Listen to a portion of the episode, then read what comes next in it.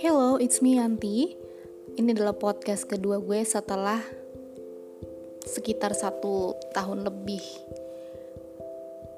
dari podcast pertama di April 2019. Nah, kalau di podcast pertama gue bahasnya agak-agak serius tapi santai. Di podcast kedua ini gue mau lebih santai lagi karena gue akan membahas sebuah lagu.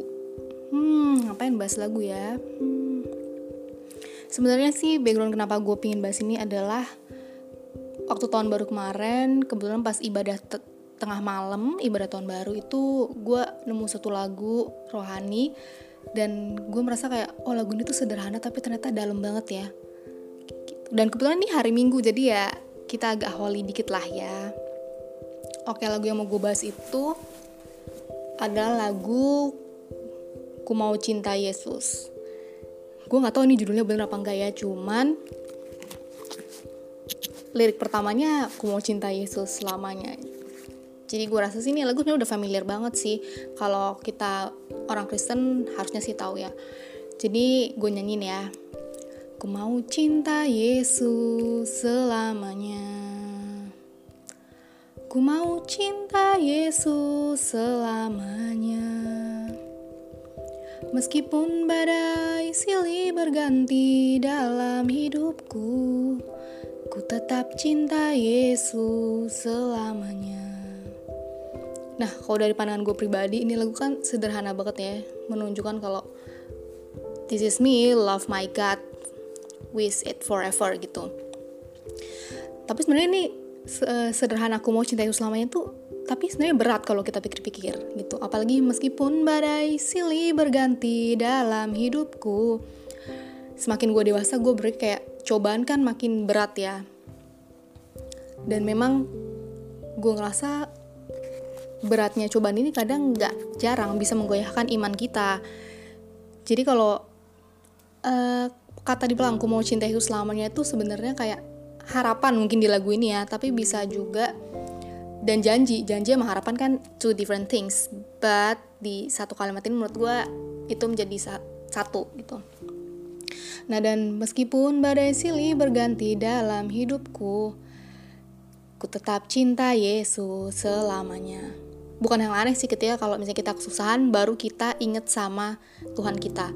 Tapi nggak jarang juga ada orang yang mem, mem menuju jalan pintas keluar dari badai hidup dia dengan cara meninggalkan Yesus. I'm not judging here, but this is the reality for some people. They leave their God for another God to be safe in the world. Ya, di dunia ini maksudnya. Itu sih maksudnya sejauh ini filosofi gue buat lagu ini. Nah, selanjutnya ke lirik bagian refnya. Ya Aba, Bapa, ini aku anakmu, layakkanlah seluruh hidupku. Ya Aba, Bapa, ini aku anakmu, pakailah sesuai dengan rencanamu bukan hal yang aneh lagi di Kristen kalau Tuhan itu ibarat bapak kita sendiri. Jadi kita deketnya ibarat anak ke orang tua uh, tentang gimana orang tua kan sangat mencintai anak mereka dan gimana anak juga sangat menghormati orang tua mereka sangat menghargai orang tua mereka sangat dekat dengan orang tua mereka.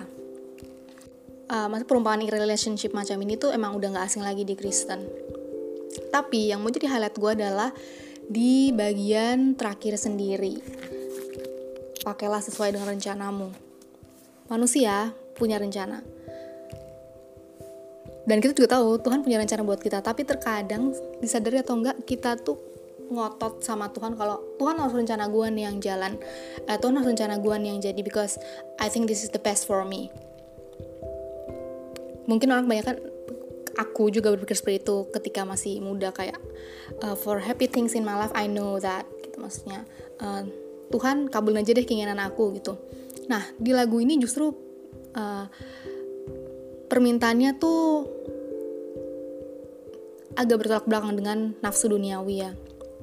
Pertama tentang layakanlah seluruh hidupku. Kita minta layak, hidup kita nih layak di mata Tuhan. Dan kedua kita minta rencana Tuhan yang jalan. Semakin dewasa semakin gede atau semakin overthinking kebanyakan mikir. Jadi kayak aku lebih kayak oh ternyata istilah pakailah sesuai dengan rencanamu itu nggak segampang itu bisa diucapkan manusia ya. Jadi kayak sebagai manusia kita pasti punya keinginan tapi ternyata lama kelamaan gak sejalan gak sejalan. Dan sometimes itu tuh butuh waktu yang lama buat kita mengerti kalau oh ternyata selama ini rencana aku gak jalan karena rencana Tuhan yang terbaik karena Indian rencana Tuhan lebih bagus daripada rencana aku kalau misalnya rencana aku kita berharap di misalnya nih ya di jangka pendek keinginan kita tercapai tapi ternyata kita udah nunggu lama keinginan kita nggak tercapai dan kita kecewa sama Tuhan. Tapi kemudian uh, setelah berapa lama untuk jangka yang panjang kita baru-baru bisa melihat oh ternyata ini ya uh, yang rencana Tuhan yang ternyata jauh-jauh lebih bagus. Mungkin emang agak pusingin ya, maksudnya apa dari tadi cuap-cuap. Cuman intinya aku mau bilang kalau ini lagu tuh sederhana tapi ternyata dalam dan berat gitu. Dan liriknya kan juga eh mm, nadanya juga sederhana nggak ada tinggi. Tapi kalau misalnya kita mendengar orang menyanyikan dengan tulus tuh kayaknya dalam. Terus kita juga menyadari kalau ini tuh kayak ungkapan harapan kita janji kita atau kepasrahan kita kepada Tuhan lagu ini. Lagu lama yang menurut gue salah satu one of the best sih. Gitu aja. Uh, gue berharap sih lagu ini juga memberikan kesan terdalam sih buat yang mendengarkan. Oke itu dulu cuap-cuap hari ini. Ya semoga di podcast berikutnya bisa lebih bagus dan lebih tertata ya. Thank you